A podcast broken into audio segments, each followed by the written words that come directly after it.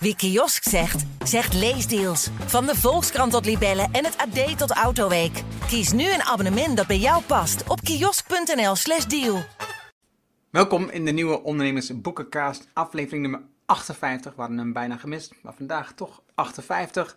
Dit keer het boek Superfalen. Het boek, uh, wat als je op de video kijkt ook een beeld ziet. Frank Deuring schreef het boek.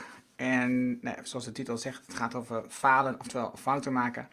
De subtitel is uh, Creëer radicale openheid over fouten in organisaties. Die subtitel die sprak me ook eigenlijk denk ik het meeste aan toen ik dit boek, de cover zag.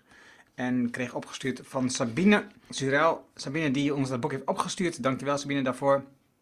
En um, Frank Deuring is ondernemer en heeft een bedrijf dat heet Foutenfabriek. En daarmee helpt hij organisaties om te leren van fouten. Nou, dat, is wel, dat, dat vind ik een interessant proces.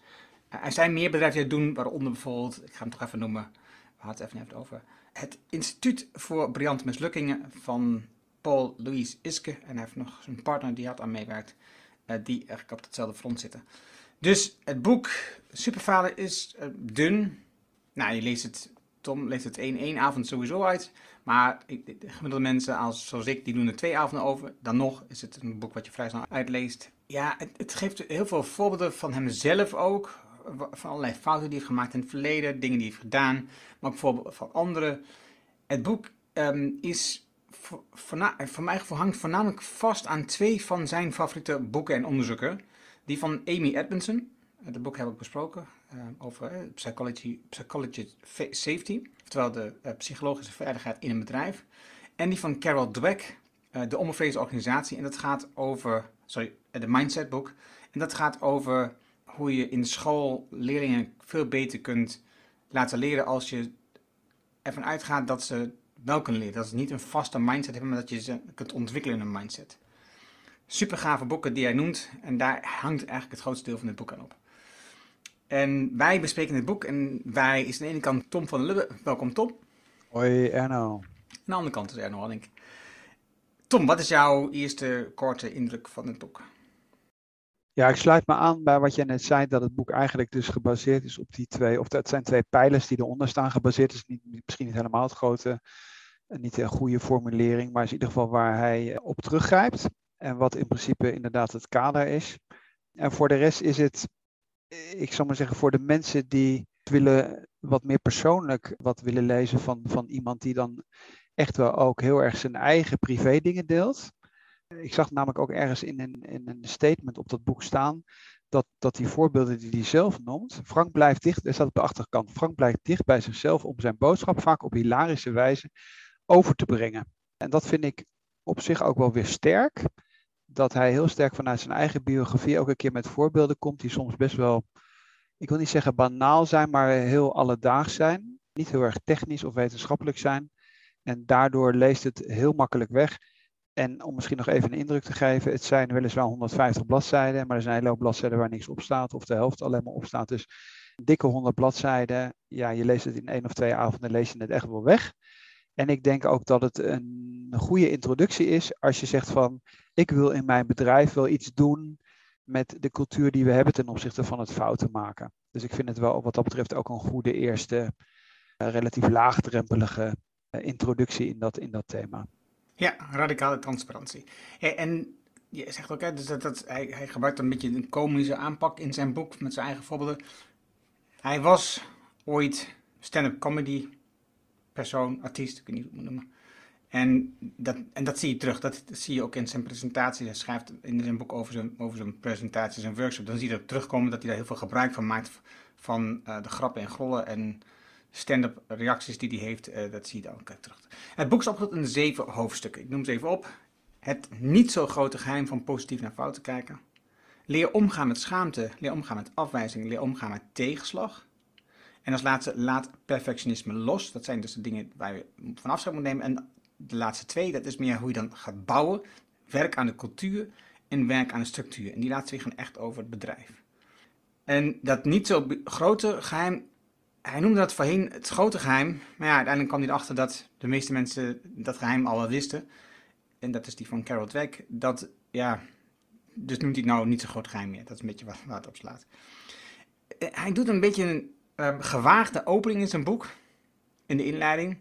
En hij zegt dat hij namelijk een, een dikke bestseller wil maken van dit boek. Ik vind, het wel, als je, ik vind het wel spannend als je opschrijft in je inleiding van je boek dat je dat gaat doen. En uiteindelijk heb ik even gekeken. Hij stond tot nu toe 14 dagen op nummer 1 bij Managementboek en heeft ondertussen 49 dagen in de top 100 gestaan. Nou, dat zegt wel iets over de aantal die verkocht heeft. Het zijn toch zeg maar een kleine duizend. Uh, naar verwachting toch wel ongeveer dat hij verkocht heeft tot nu toe. En het boek is nog vrij nieuw, dus nou, eh, nou, voor veel mensen klinkt dat als een bestseller. Dus dat betreft, zijn eerste niet-falen ding heeft hij toch daar mooi neergezet. In het eerste hoofdstuk vertelt hij vooral over de vaste mindset en de groeimindset. Het is de theorie van Carol, Dweck. En dat is een, de groeimindset is een belangrijke voorwaarde om te leren van fouten.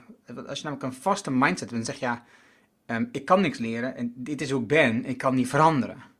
En dus als je dan praat over je fouten, kun je ook niet van leren. Want je zegt gewoon, oké, dat was een fout, maar ik ben zo en ik kan dat dus niet veranderen. Dat is wat we ook veel geloven. Als je op school zit, wat je een bepaald moment gezegd, jij bent goed in wiskunde. En op een bepaald moment gaan mensen gewoon geloven dat ze in wiskunde zijn en niet zo goed in taal zijn. En vanaf dat moment zit daar de focus op. En leren ze ook minder taal en leren ze meer wiskunde en worden ze steeds beter in de wiskunde en minder in de taal. Ik praat over mezelf voor duidelijkheid. en het grappige is in dit verhaal dus dat dat dus eigenlijk Carol Dweck die heeft aangetoond in haar school, was toen was, was een van de slechtst presterende scholen van Amerika, ondertussen een van de best presterende scholen in Amerika, dat ze dat heeft veranderd door onder andere, en dat komt later terug, te zeggen dat uh, je hebt gewoon geen onvoldoende op deze school. Je bent er gewoon nog niet. Hè? Dus je hebt er echt een groeimindset en je, je, gaat, je groeit toe naar de volgende fase. In dit hoofdstuk praat hij over de 10.000 uren regel. Die vond ik ook interessant. Bekendgemaakt door Malcolm Gladwell. Heeft het boek nog niet besproken, want het is een vrij bekend boek. En dit onderzoek is gedaan door Anderson Erickson. Als je wat meer wilt weten over dit boek, eh, lees ook de Talent Code. Wat mij betreft, want dat is ook een super gaaf boek over dit onderwerp.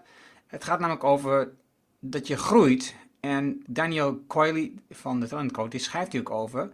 Dat je in principe wat je wilt is je leerproces opdeelt in vaardigheden, aparte vaardigheden, hele kleine stapjes. Telkens focus je op hele kleine stapjes. En in het tweede element wat je noemt is, gebruik dan een coach die je in, kan coachen op de fase waarin jij zit in ontwikkeling op zo'n op zo'n vaardigheid. En wat je ziet bij die coaches, ook in die talent coach, is dat die dus telkens hele kleine aanwijzingen geven om je op dat punt te verbeteren. Niet heel tijd schreeuwen en roepen dat je anders moet doen. Nee, ze geven hele duidelijke aanwijzingen wat je moet veranderen. En als laatste, oefen net buiten je comfortzone. Want als je oefent in je comfortzone, dan kom je eigenlijk niet verder. En buiten je comfortzone doet pijn, is lastig, maar dat is wel door je groeit. Dus dat zijn twee elementen die ik had gehad uit het eerste hoofdstuk. Wat heb jij? Ja, ik heb eerst een uh, toch wel fundamentele kritiek aan de aanpak die hij heeft. Omdat uh, ik zou wat verder uitzoomen. En we hebben in een ander boek, ik weet niet eens meer welk boek dat was, hebben we laten zien dat die manier van denken dus die fixed mindset, dat dat nou juist Amerikaans is. Ik weet niet precies in welk boek dat was, maar daar werd bijvoorbeeld uitgelegd dat vroeger, als iemand won, dan zei hij, I was fortunate. Wat betekent, ik had geluk, fortuna. Fortuna, de god van het geluk. En dat na de hand is dat winnaar geworden en champion. Dus we are the champions and we are the winners and the rest are losers. Dus dat, dat hele binaire of polariserende, dat de wereld opgedeeld is in winners en losers, dat is Amerikaans.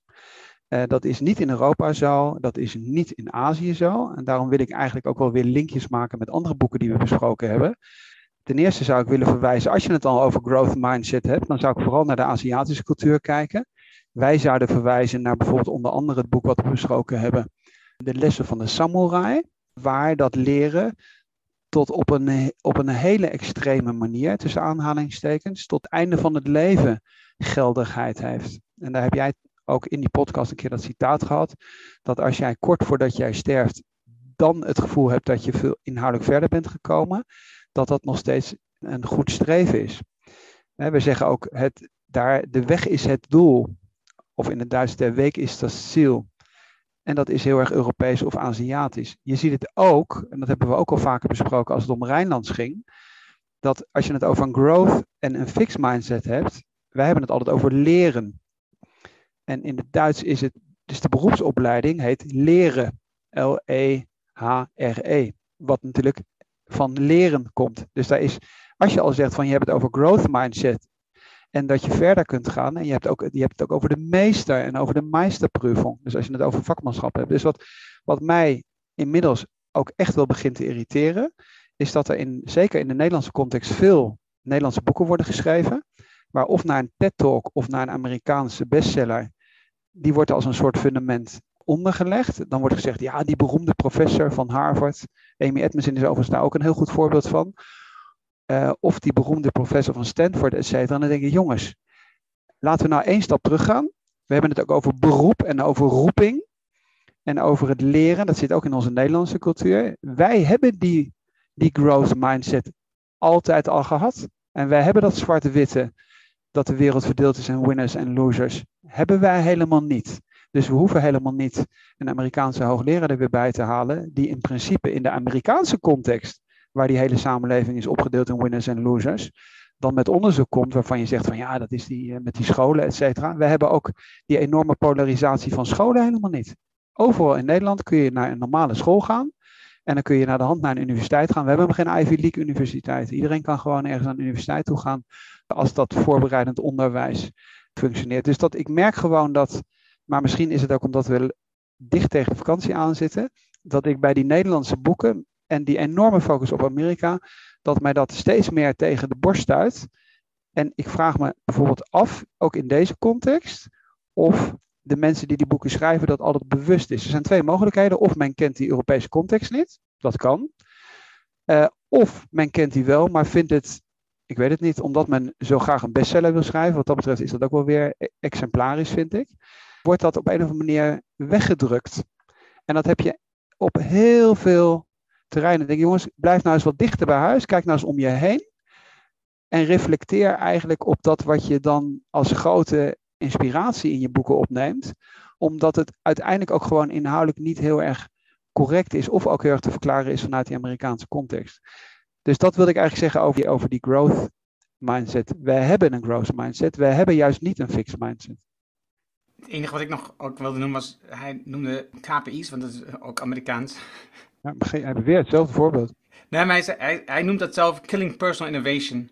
Waarbij hij dus ook nu weer zegt, waarbij, dus wat ik dan, wat, eh, nu jij dit ook zo zegt, wat ik dan zie is dat hij dus telkens ook kiest voor de Europese variant eigenlijk gewoon.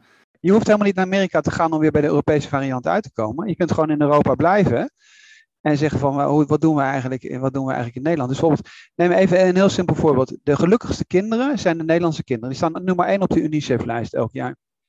Dus nou, nou beweer ik dat als iemand een boek gaat schrijven over kinderen, dat waarschijnlijk ook weer een of ander, als een Nederlander dat doet, dan zit er waarschijnlijk weer een of ander Amerikaans onderzoek van een Harvard of een Stanford professor in. Je kunt ook gewoon zeggen, hier, bij ons gaan de kinderen ook nog steeds zelf naar school toe, hoeven niet met een auto te worden afgeleverd, gaan met de fiets of met de bakfiets, of weet ik veel wat allemaal. We hoeven helemaal niet elke keer die omweg te maken uh, via de VS. Laten we nou eens gewoon even wat dichter bij onszelf blijven.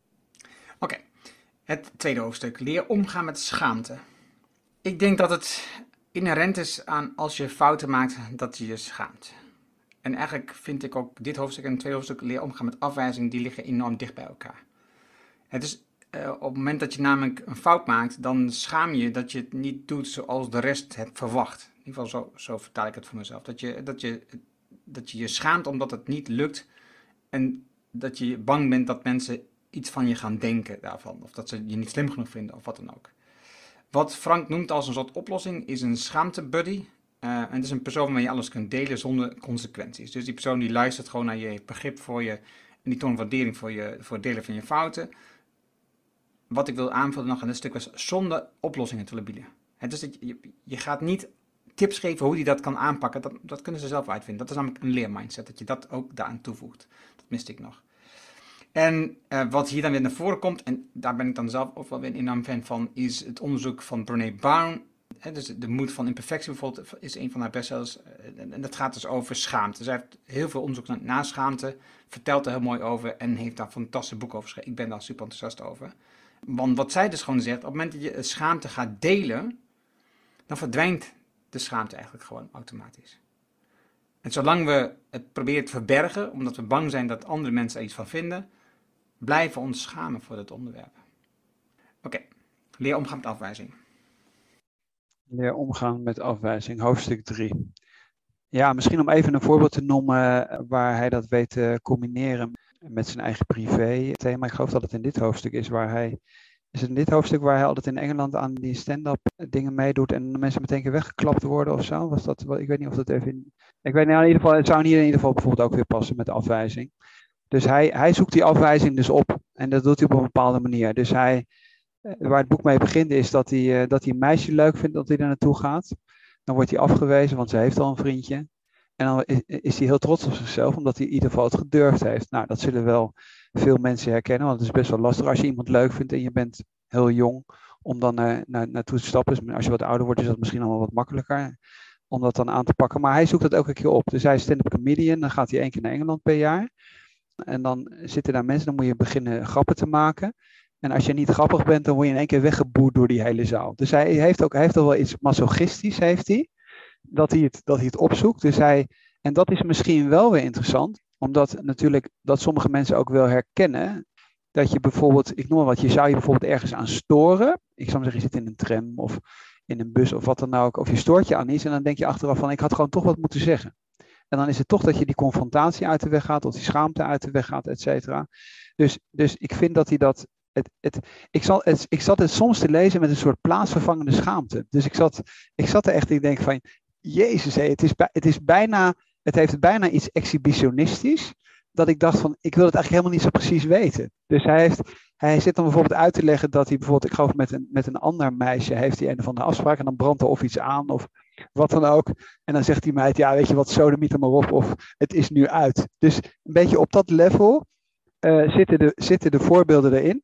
Dat vind ik ook, ook wel weer moedig, moet ik zeggen. Dus ik heb respect voor het feit dat hij die privécomponenten erin doet. Ik zou, misschien, ben ik, misschien schaam ik me er dus daar te veel voor en zou dat dus niet durven. Dus dat is wat ik in het boek wel bewonder.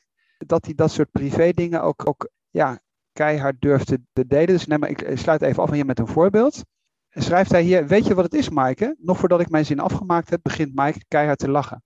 En pakt ze iets te enthousiast op zich te gaan potlood. Kijk Frank, ik vul nu nee in, want ik heet Paulien en geen Maaike. Welkom bij een avondje speeddaten. Nou, dat is eigenlijk een beetje, vanavond maken 30 mannen en 30 vrouwen kennis met elkaar.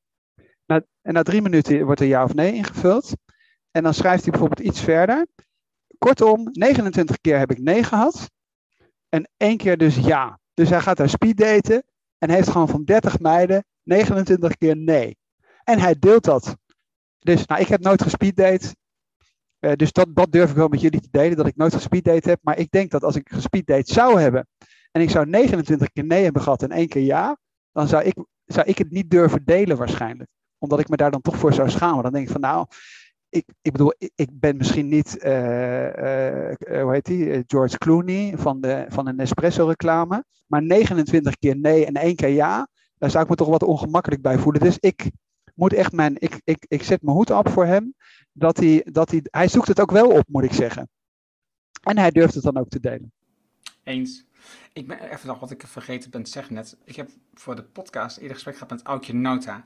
Akinauta is ook onderzoekster, maar dan in Nederland, ook op het onderwerp schaamte.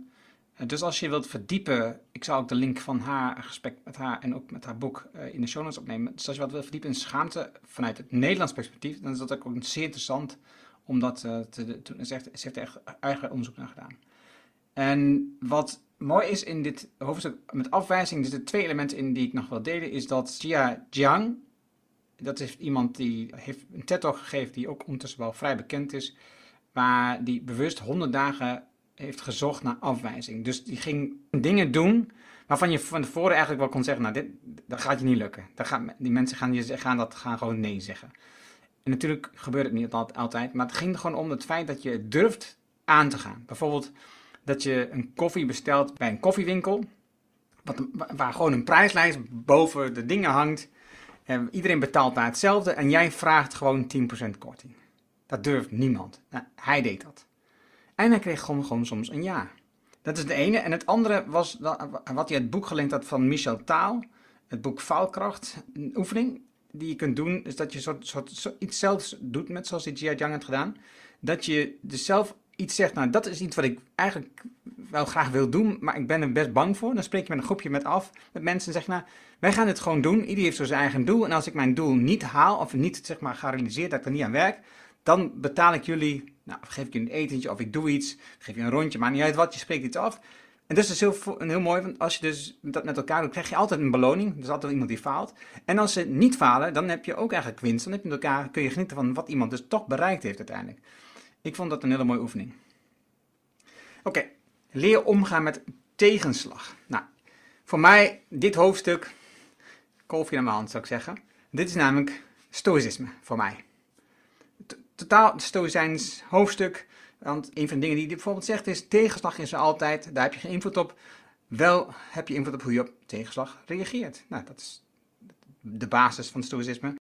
En wat je bij veel mensen ziet die al bezig met is dat ze een heel vast ritme hebben in combinatie met goed slapen, gezond eten en goed bewegen. Nou, daar heeft Frank het ook over. Hij is een bepaald moment in een burn-out uitgekomen. En realiseert zich nu, als hij dit maar voor elkaar dit ritme voor elkaar heeft, dan, dan heb je daar gewoon veel meer last van. Want op het moment dat je namelijk gewoon goed slaapt, goed eet, goed beweegt, dan reageer je ook veel minder hard of emotioneel of verkeerd. Omdat je namelijk gewoon beter in je vel zit. En het boek wat hij hierbij noemt, is die van Edith Eger, De Keuze. Ik heb het uh, op aanraden ook van jou zelfs, Tom, um, gelezen toen wij het boek van Viktor Frankl hebben gelezen. Viktor Frankl is eigenlijk ook eigenlijk zo'n vergelijkbaar boek die over gaat. Maar het boek van Edith Eger, De Keuze, dat is ook een super bijzonder boek. Uh, waarin hij dus laat zien, ja, weet je, je hebt altijd een keuze hoe je met dingen omgaat. Je kan altijd leren hoe met een trauma om te gaan of met tekens om te gaan. Ja, en dat zijn fantastische boeken om hier naar te kijken. Ja, die, die Edith Eger is uh, een paar maanden geleden in Nederland geweest. En is toen ook op tv geweest, et cetera. En om misschien even twee zinnen te zeggen, is een Joodse meisje wat overleeft. Ik geloof dat ze ook voor, voor Hitler gedanst heeft of, of viool gespeeld heeft. Zo heeft ze overleefd. En dan is eigenlijk, ja, waar gaat het om? Dat zij in principe zegt na de oorlog, je hebt twee mogelijkheden. Of je gaat bij de pakken neerzetten, zitten, om het nou even een beetje, beetje zeer informeel te formuleren. Want het is natuurlijk, daarvoor is het allemaal veel te dramatisch. Of ik ga er iets positiefs mee doen. En dat, daarom denk ik wel dat als de mensen het echt interessant vinden. En dat vind ik bijvoorbeeld dan ook wel een beetje jammer, dat om, om, omgaan met tegenslag waar het echt heel erg interessant wordt, en dat is bijvoorbeeld nu met Ego of Victor Frankl, daar zou ik zeggen, nou, als je nou echt wil verdiepen, pak dan eens een boek als Victor Frankl, want dan weet je, dat is, dat is wel de essentie van de essentie.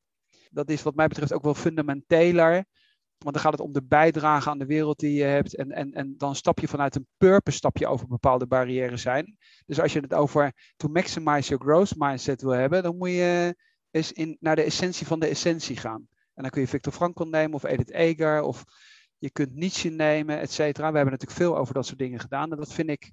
Dus ik, daarom zei ik al in het begin: het is een introductie op het gebied van falen. Maar hier gaat hij heel even de diepte in. Uh, en dan, dan gaat hij daar ook heel snel weer uit. Ja, dan is de vraag van waar ligt dat aan? Is dat dan misschien ook een beetje. Het is wel best wel confrontatief natuurlijk ook. Maar het gaat eigenlijk om wat dan hier posttraumatische groei even technisch uh, wordt genoemd. Dat je na een trauma dan zegt van oké, dat heeft ook een positieve kant tussen aanhalingstekens. En dat is natuurlijk hartstikke interessant. Om daar eens te reflecteren. Maar je kunt natuurlijk ook zeggen, als je natuurlijk gewoon een heel toegankelijk boek wil schrijven als een introductie. En je maakt het meteen zo zwaar en je begint over de holocaust, et cetera. Dan is dat misschien ook een beetje too much als je dan s'avonds op de bank dat boekje zit te lezen. Dus misschien moet ik ook daar uh, wat milder zijn in mijn, uh, in mijn oordeel. Ik noem het al voordat we de podcastopname starten. Ik heb het boek van, uh, het bestsellerboek van Charlotte Meinsma en Hanneke de Wit gekregen en gelezen en besproken met hun. En een van de eerste stellingen in het boek is dat je een belangrijke vraag die moet stellen als je een boek gaat schrijven, is wil je een bestseller schrijven, wil je dat veel mensen het boek lezen, of wil je een boek schrijven wat voor veel werk zorgt? En dat zijn totaal verschillende boeken. Namelijk als je namelijk een bestseller schrijft, dan moet hij zoals nou, bekende Jas Burgers, mensen, weet je wel, dat je, dan moet je een boekje, niet zo'n dik boek, nou dat heeft hij gedaan, moet je schrijven. Eenvoudige hoofdstukken, eenvoudige tekst, breed, toegankelijk. Terwijl als je um, wilt dat je meer klanten krijgt van je werk, dan moet je dus juist kwaliteit schrijven. Dan moet je niet uitgaan dat je de bestseller wordt en dan zou je die verdieping kunnen vinden. Maar dan ga je, geen, dan ga je daar dus niet geen duizenden van verkopen, dat staat wel vast. Maar dan kun je wel daar de kwaliteit mee laten zien die je in huis hebt. En dat is, daar zit dus de balans in deze twee dingen. Ja, en soms zie je dat iemand als bijvoorbeeld iemand een heel moeilijk boek schrijft, helemaal niet met het doel dat heel veel mensen dat lezen. Piketty is waarschijnlijk het meest extreme voorbeeld. Hè, weet je, duizend bladzijden, et cetera. Zouden we ook nog een keer in de podcast kunnen doen over. Dan, dan blijven er natuurlijk maar heel weinig mensen over, want iedereen heeft over het boek en niemand heeft het gelezen. Of uh, wat we nu in de zomer gaan lezen, hè? Dawn of Everything, Graeber ook duizend bladzijden, et cetera. En dan zie je toch dat iemand die zegt van, nou, oké, dat is mijn doel. Ja, of dat dan wel of niet een bestseller wordt. Dus mijn insteek zou zijn, het zou me geen moe uitmaken. Het is meer de vraag van, ja, wat is, wat is voor jezelf het uitgangspunt wat je echt relevant vindt? Dus ik zou zeggen, als ik één boek graag geschreven zou hebben, om het maar even te noemen, dan is het misschien Victor Frankl of het is uh, het boek van Nassim Taleb, Anti-Fragile of zoiets.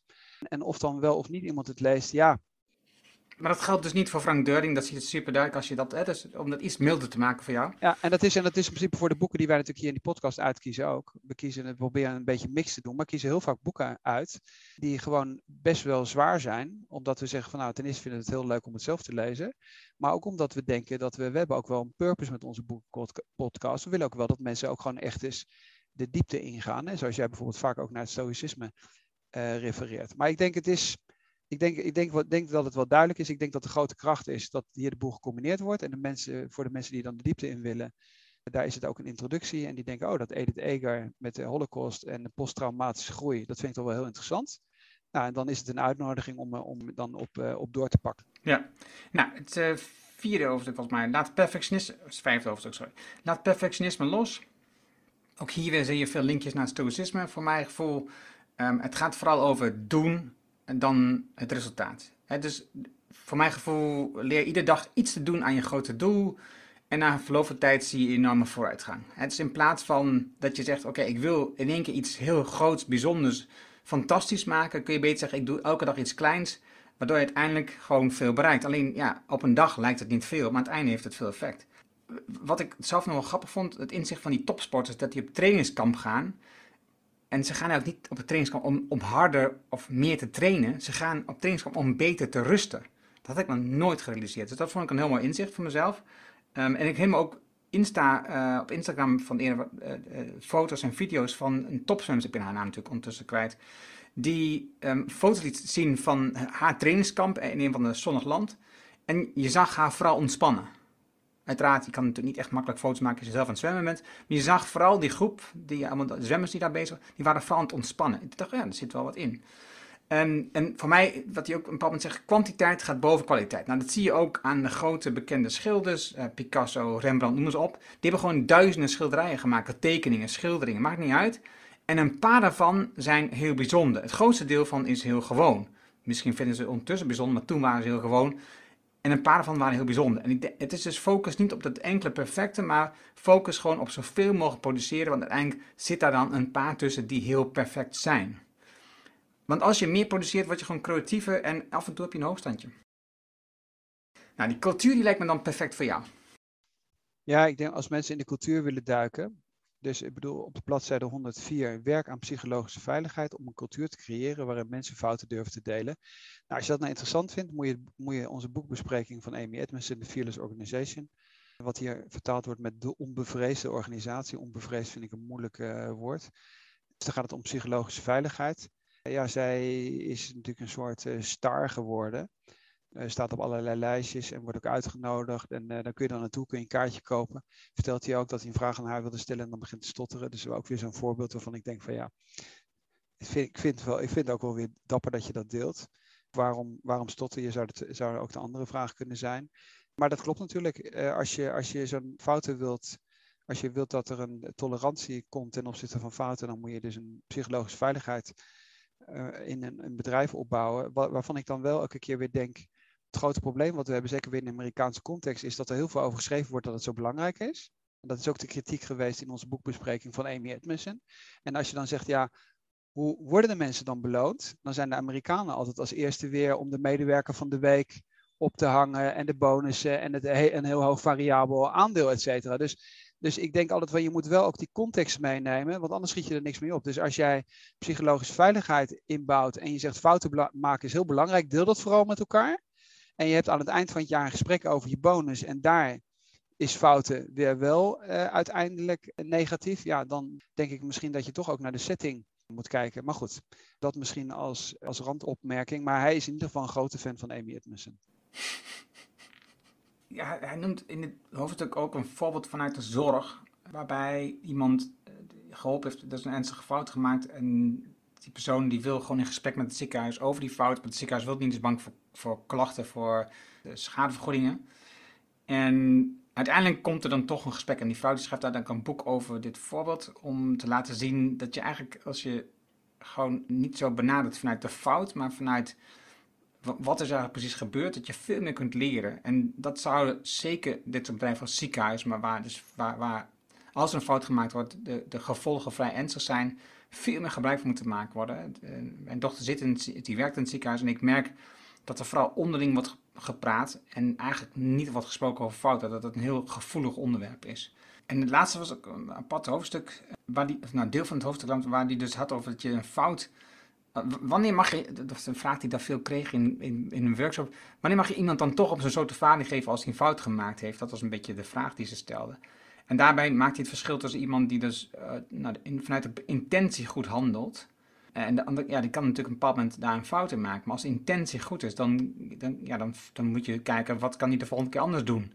En dus je moet kijken naar intentie om te kijken of iemand um, op zijn soort falie mag krijgen of niet. Nou, ik vond het een aparte, want ik, hoe weet je nou iemand intentie? Dat, uh, als ik als scheidsrechter kijk naar het voetbal en ik beoordeel een overtreding, dat is ook heel moeilijk om te beoordelen of de intentie was om de bal te spelen. Of dat hij de intentie had om iemand te raken. Dat, ik, ik kan niet in het hoofd van zo'n speler kijken. Dus ik, ik, vind dat dan weer, ik, ben, ik ben dan weer benieuwd hoe je dat bepaalt. Werk aan de structuur. Toen ik begon met dat hoofdstuk dacht ik van nou, nu gaat het dus meer om de structuur eromheen die je opbouwt. Je wilt mensen zo lang mogelijk aan boord houden, lange termijn focus, uh, vaste salarissen, bonussen afschaffen, uh, horizontaal feedback, et cetera. Nee, maar dat gebeurt dus niet. Maar dat zie je dus wel vaker. Nee, wat gaan we weer doen? Je ziet hem al aankomen. We gaan een chief failure officer gaan we aanstellen. Dus altijd. We gaan onmiddellijk, het moet vooral het chief altijd voorstaan. In dit geval is het een failure officer. En dan denken we dat als we mensen ook nog prijzen gaan geven en ze demonstratief op een podium zetten en laten zien, die Erno die heeft zo'n fantastische fout gemaakt. En dan kun je wel zeggen, ja, we moeten ons niet schamen, et cetera. Ik denk dat we precies tegenovergestelde moeten doen. Ik denk dat we vooral moeten kijken naar de structuur. Zekerheid bieden, Rijnlands, in tijden van crisis solidair zijn met je mensen, je mensen op de eerste plek zetten, mensen met elkaar eh, horizontaal in teams dingen laten oplossen. Die hoeven wat dat betreft helemaal niet al hun collega's te zeggen wat daar fout is gegaan. Als ze elkaar maar bilateraal en in een team feedback geven en samen steeds beter worden. Dan hoeft het helemaal niet aan de grote klok gehangen te worden. En mensen op het podium te zetten. Kijk, kijk eens wat die een fantastische fout hebben gemaakt. We gaan er ook nog een award, award van maken. Ik denk dat het voor een gedeelte contraproductief is omdat, omdat het ook heel subjectief is of jij die schaamte bij iemand kunt wegnemen of niet. Dus als jij zelf denkt van nou ik kan dat en ik vind dat leuk om dat elke keer weer op te zoeken. Ik denk uiteindelijk dat een hele hoop mensen dat toch niet heel erg prettig vinden. Dus ik denk nog steeds dat de oplossing als het gaat om de structuur, dat je beter eens kunt kijken naar ja, de punten die ik, uh, die ik net heb opgenoemd. In plaats van dat je daar um, een civilian officer hebt die een award uitvindt. En dat weet men eigenlijk inmiddels ook vanuit het onderwijs. Dat zowel het belonen als bestraffen, voor de mensen die de diepte in willen, Foucault, dat dat eigenlijk beide contraproductief is. Dus je kunt beter de bonussen afschaffen en de cijfers weglaten. En, maar omgekeerd ook het bestraffen zoveel mogelijk weglaten. En dan eigenlijk gewoon kijken hoe de mensen zich in die, om maar even toch bij dat voorbeeld growth mindset te blijven. En de weg is het doel. Als de weg het doel is en je creëert een omgeving waar dat de maxime is, dan komt het allemaal goed. Omdat namelijk wederzijds mensen een hoge acceptatie hebben voor fouten, omdat iedereen weet dat je ook zelf fouten maakt. Ik ga je niets op aanvullen. Ik vind het een fantastische afsluiting. Ja, dankjewel. Ja, dankjewel voor het luisteren.